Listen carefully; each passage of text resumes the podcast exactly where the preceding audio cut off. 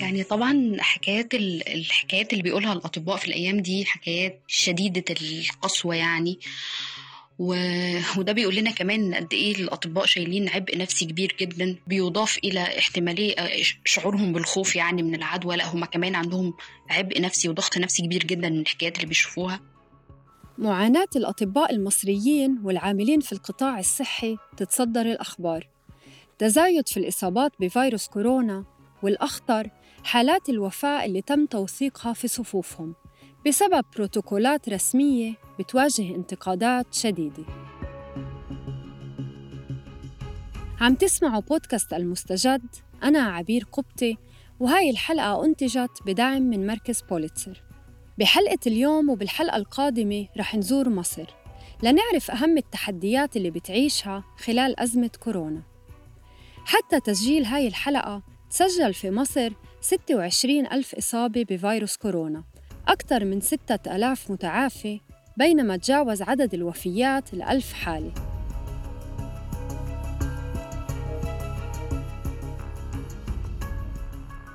بهالحلقة نتحدث مع الطبيبين المصريين طاهر مختار وأحمد حسين.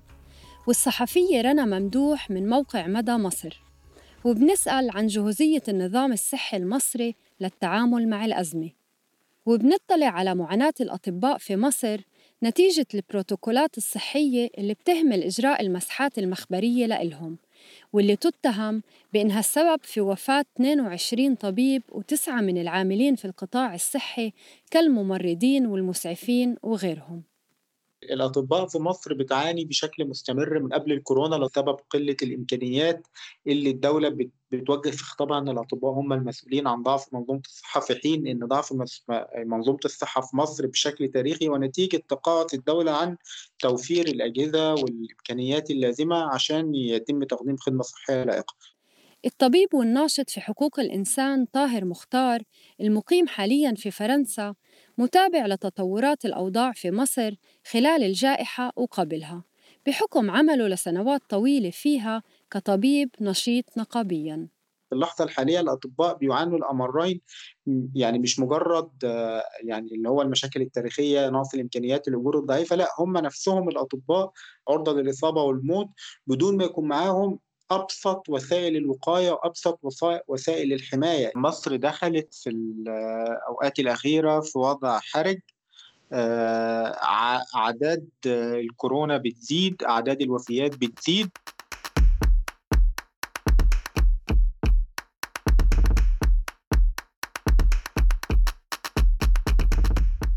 مع أنه الحكومة المصرية في البداية فرضت إجراءات تباعد اجتماعي مشددة وعطلت عمل معظم المؤسسات إلا أنه طاهر بيعتقد أنه الحكومة ما استفادت من الفترة اللي سبقت انتشار الفيروس للإستعداد وتجهيز المنظومة الصحية لسيناريو التفشي السريع. في الوقت ده كانت المسؤولين في وزارة الصحة في الحكومة بيهونوا من آه، الكورونا. وده اللي كنا بنقوله وقتها. قلنا تحذيرات كتيرة كأطباء وناشطين وعاملين في الصحة حاليين أو سابقين في مصر. قلنا إن منظومة الصحة في مصر ضعيفة ومنهارة من غير حاجة في مصر مش حمل وباء زي ده ينضاف.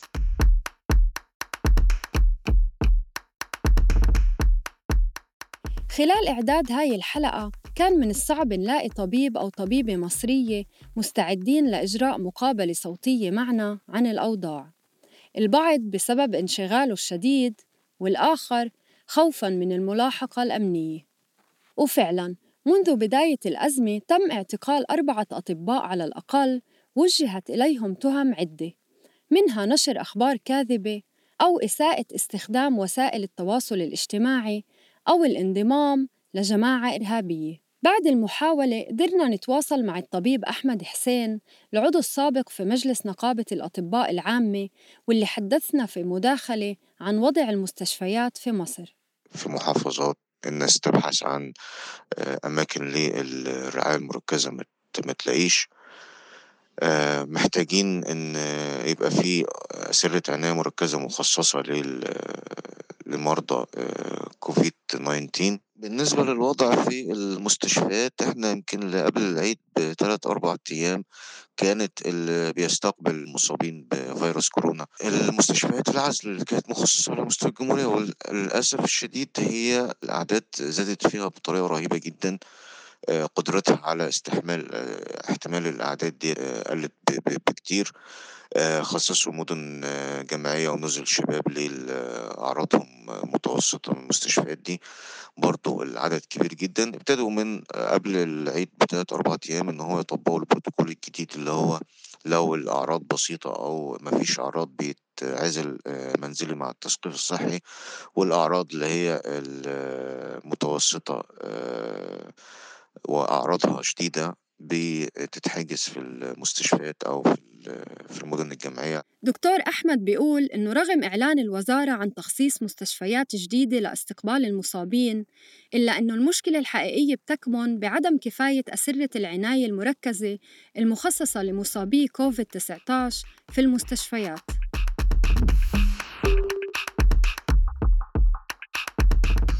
قبل أيام شهدت مصر حالة غضب شعبي اجتاحت مواقع التواصل الاجتماعي بعد وفاة الطبيب الشاب وليد يحيى بمرض كوفيد-19 بعمر 32 نقابة الأطباء أصدرت بيان اتهمت فيه وزارة الصحة بالتقاعس عن القيام بدورها في حماية الأطباء.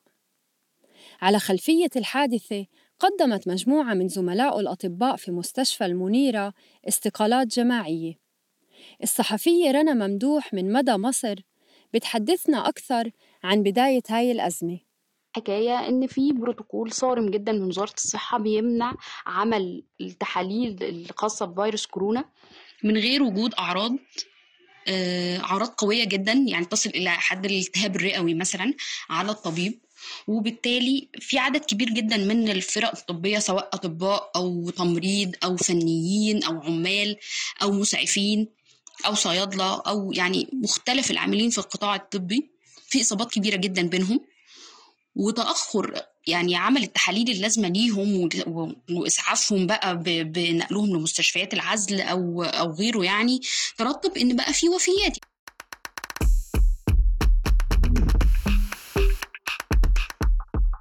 عندنا مطلب تاني وهو إلغاء وتغيير فوري. للبروتوكول القاتل لوزارة الصحة اللي بيقول إن عضو الفريق الطبي المخالط لحالة إيجابية لا يتم عمل مساحات ليه ولا ولا يسمح بعزله سواء عزل في مكان العمل أو عزل منزلي. هذا البروتوكول هو بروتوكول قاتل. هذا كان صوت الطبيبة والنقابية منى مينا تعقيباً على تزايد أعداد الوفيات بين صفوف الأطباء. من بداية الأزمة ووزارة ونقابة الأطباء طالبت يعني أكتر من مرة وزارة الصحة إنها تعدل بروتوكول عمل التحاليل للفريق الطبي وإنها تبادر بعمل مساحات لكل العاملين في أي مستشفى ظهر فيها حالات إيجابية بفيروس كورونا. ولكن الطلب ده ما كانش بيتم الاستجابة ليه. الأكتر من كده إن من اليوم الأول كانت نقابة الأطباء بتطالب وزارة الصحة إنها تعلن أو تخبرها يعني بعدد الأطباء المصابين الموجودين في مستشفيات العزل وعدد الوفيات من القطاع الطبي. وبرضو الوزارة ما كانتش بتعلن يمكن أعلنت ده مؤخرا. بعد وقعة وفاة الطبيب بمستشفى المنيرة وأعلنت أعداد أقل بكتير من الأعداد اللي أعلنتها النقابة. يعني النقابة يعني مع رفض وزارة الصحة لإعلان الرقم الموجود في مستشفيات العزل من الأطباء المصابين النقابة قامت بالدور حاولت إنها تقوم هي بالإجراء يعني وكانت بتتواصل مع كل مستشفى من مستشفيات العزل علشان تعرف عدد الأطباء الموجودين ضمن المصابين عندها كام. في وقتها كان عدد الوفيات بين الأطباء حسب النقابة هو 19 حالة بينما ذكرت وزارة الصحة أنه إجمالي الوفيات من كافة الفرق الطبية بما فيهم الأطباء هو 11 فقط. الأمر اللي خلق تساؤلات عدة حول كيفية إحصاء الوزارة للإصابات والوفيات واللي كمان رفع حدة الاحتجاج ضدها. يعني التهديد بالاستقالات اللي ظهرت مؤخرا من جانب الفريق الطبي هو يمكن نقص أدوات الحماية الخاصة بالوقاية من فيروس كورونا يعني الواقيات الشخصية الملابس الخاصة بالوقاية. كل ده مع مع زيادة الضغط عن الشغل. في ناس كتير جدا هددت بالاستقالة. الأطباء كانوا بيطالبوا بتخصيص مستشفى لعزل ال- المصابين. نظرا لزيادة عددهم. إحنا بنتكلم كده داخلين مثلا فيما يقرب من 500 أو 600 إصابة بين الفرق الطبية.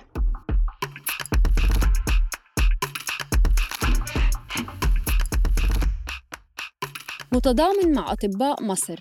هو الهاشتاج اللي استخدمه مغردين ومدونين ليعبروا عن مناصرتهم وتعاطفهم مع الأطباء اللي بيخوضوا هالمواجهة بدون وقاية.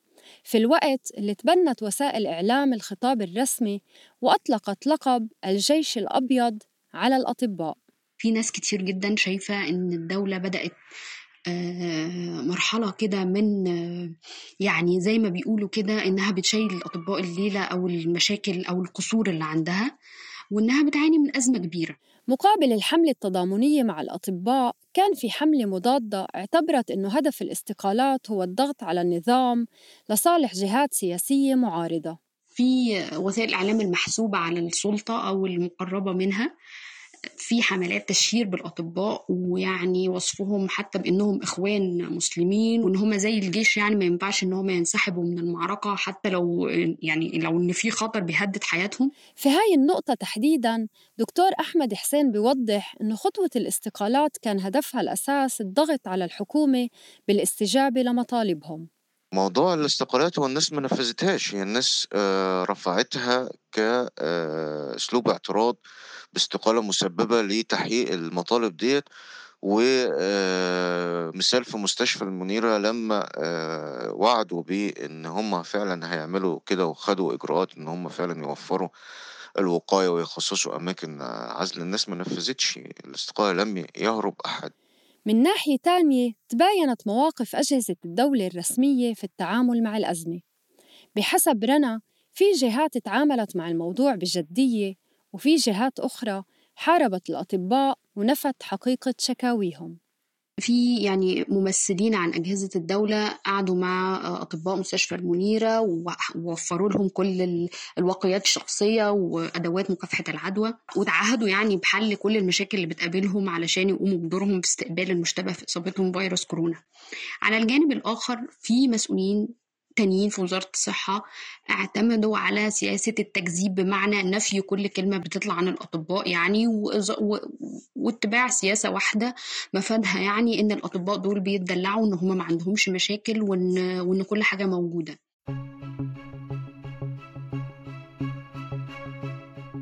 مسؤولين في وزارة الصحة بتوقعوا إنه مع بداية شهر حزيران يونيو رح تدخل البلاد مرحلة الذروة ما يعني موجة شديدة من الإصابات والوفيات وأزمة كبيرة في القطاع الصحي.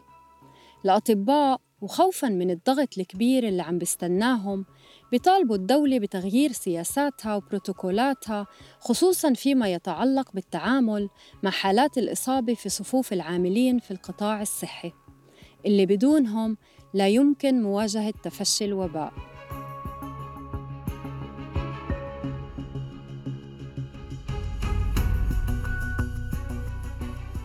بودكاست المستجد من إنتاج صوت. كنا معكم في الإعداد والتقديم عبير قبطي. في الكتابة سارة أبو الرب. تحرير محمود الخواجة. ساهمت في الإعداد روان نخلي. وفي المونتاج تيسير قباني. ما تنسوا تشتركوا في قناة بودكاست المستجد على أي منصة بودكاست بتفضلوها لتوصلكم تنبيهات بالحلقات الجديدة. كونوا بخير وعافية.